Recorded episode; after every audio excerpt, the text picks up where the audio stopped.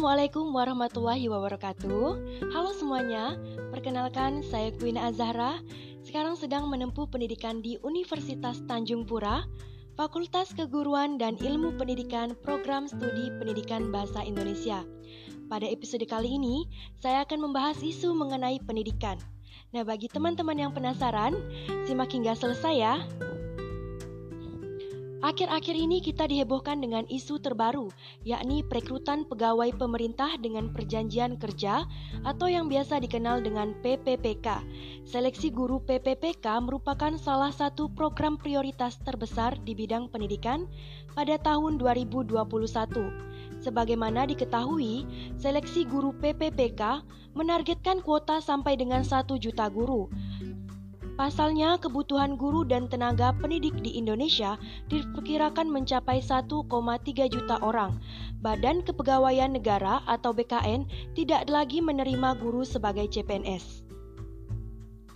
Kebijakan ini mengundang pro dan kontra, bahkan berita palsu mengenai hal ini pun ikut tersebar, sehingga calon guru atau yang sedang menempuh pendidikan di Fakultas Pendidikan seperti saya dan teman-teman terpengaruh mendengar kabar ini. Hal ini membuat semangat beberapa mahasiswa dalam menjalani pendidikannya menurun. Oleh karena itu, saya ingin mengajak teman-teman untuk memahami betul mengenai hal ini agar kita tidak termakan dan menyebar berita bohong. Mungkin di sini ada teman-teman yang belum mengetahui mengapa perekrutan CPNS untuk guru dihapuskan. Jadi saya akan menjelaskan sedikit mengenai hal ini. Alasan penghentian pengangkutan guru menjadi CPNS karena selama 20 tahun terakhir telah terjadi ketidakseimbangan sistem distribusi guru antar daerah secara nasional. Karena pemerintah membuka formasi guru untuk seleksi CPNS, setelah mereka bertugas 4-5 tahun sebagai PNS, biasanya mereka ingin pindah lokasi, dan itu membuat sistem distribusi guru secara nasional menjadi tidak merata maka kebijakan PPPK merupakan solusi dari pemerintah untuk mengatasi masalah tersebut. Namun PPPK dan PNS setara dari segi jabatan. Perbedaan kedua aparatur sipil negara atau ASN itu hanya soal ada atau tidaknya fasilitas tunjangan pensiun. Namun, BKN mengupayakan untuk membicarakan persoalan itu kepada PT Taspen, sehingga PPPK pun bisa menerima tunjangan pensiun seperti PNS. Dari penjelasan saya sebelumnya, pasti akan timbul pertanyaan seperti ini. Lantas, apa saja nantinya perbedaan guru sebagai PNS dan PPPK? Apakah perubahan ini memberi dampak positif atau negatif? Saya akan menjawab pertanyaan tersebut. Perbedaannya soal status kepegawaian, yang mana jika pegawai negeri seumur hidup memiliki tunjangan dan pensiunan, sedangkan PPPK perjanjian kontrak kerja, artinya PPPK akan diperpanjang masa kontrak setiap tahun dan pemerintah berhak menilai layak atau tidaknya untuk dilanjutkan kontrak itu.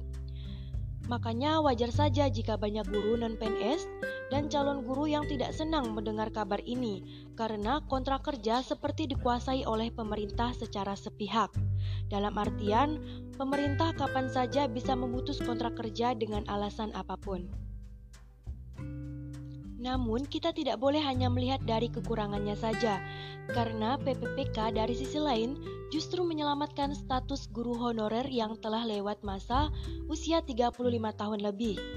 Karena tidak ada penerimaan melalui seleksi CPNS melewati usia tersebut. Jadi yang mempunyai umur di atas 35 tahun dapat memanfaatkan program ini. Selain itu, dengan perjanjian kerja akan meningkatkan kualitas guru dengan status kontrak. Sebab mau tidak mau, mereka harus menunjukkan dedikasi dan pengabdiannya supaya kontraknya tetap diperpanjang oleh pemerintah dan tidak akan mungkin meminta untuk pindah tempat kerja ke daerah asalnya. Setiap kebijakan pasti memiliki sisi negatif dan positifnya. Jadi, kita tak perlu mengeluh sepenuhnya, sebab pasti ada yang patut kita syukuri. Yang penting kita berusaha dengan niat tulus untuk memajukan pendidikan di Indonesia. Semangat untuk kita semua, karena menjadi seorang pendidik tetaplah profesi yang mulia meski kebijakannya sedikit berubah. Cukup sekian yang dapat saya sampaikan. Semoga dapat menambah informasi untuk teman-teman semua. Jangan lupa nantikan podcast-podcast saya berikutnya. Sampai jumpa. Wassalamualaikum warahmatullahi wabarakatuh.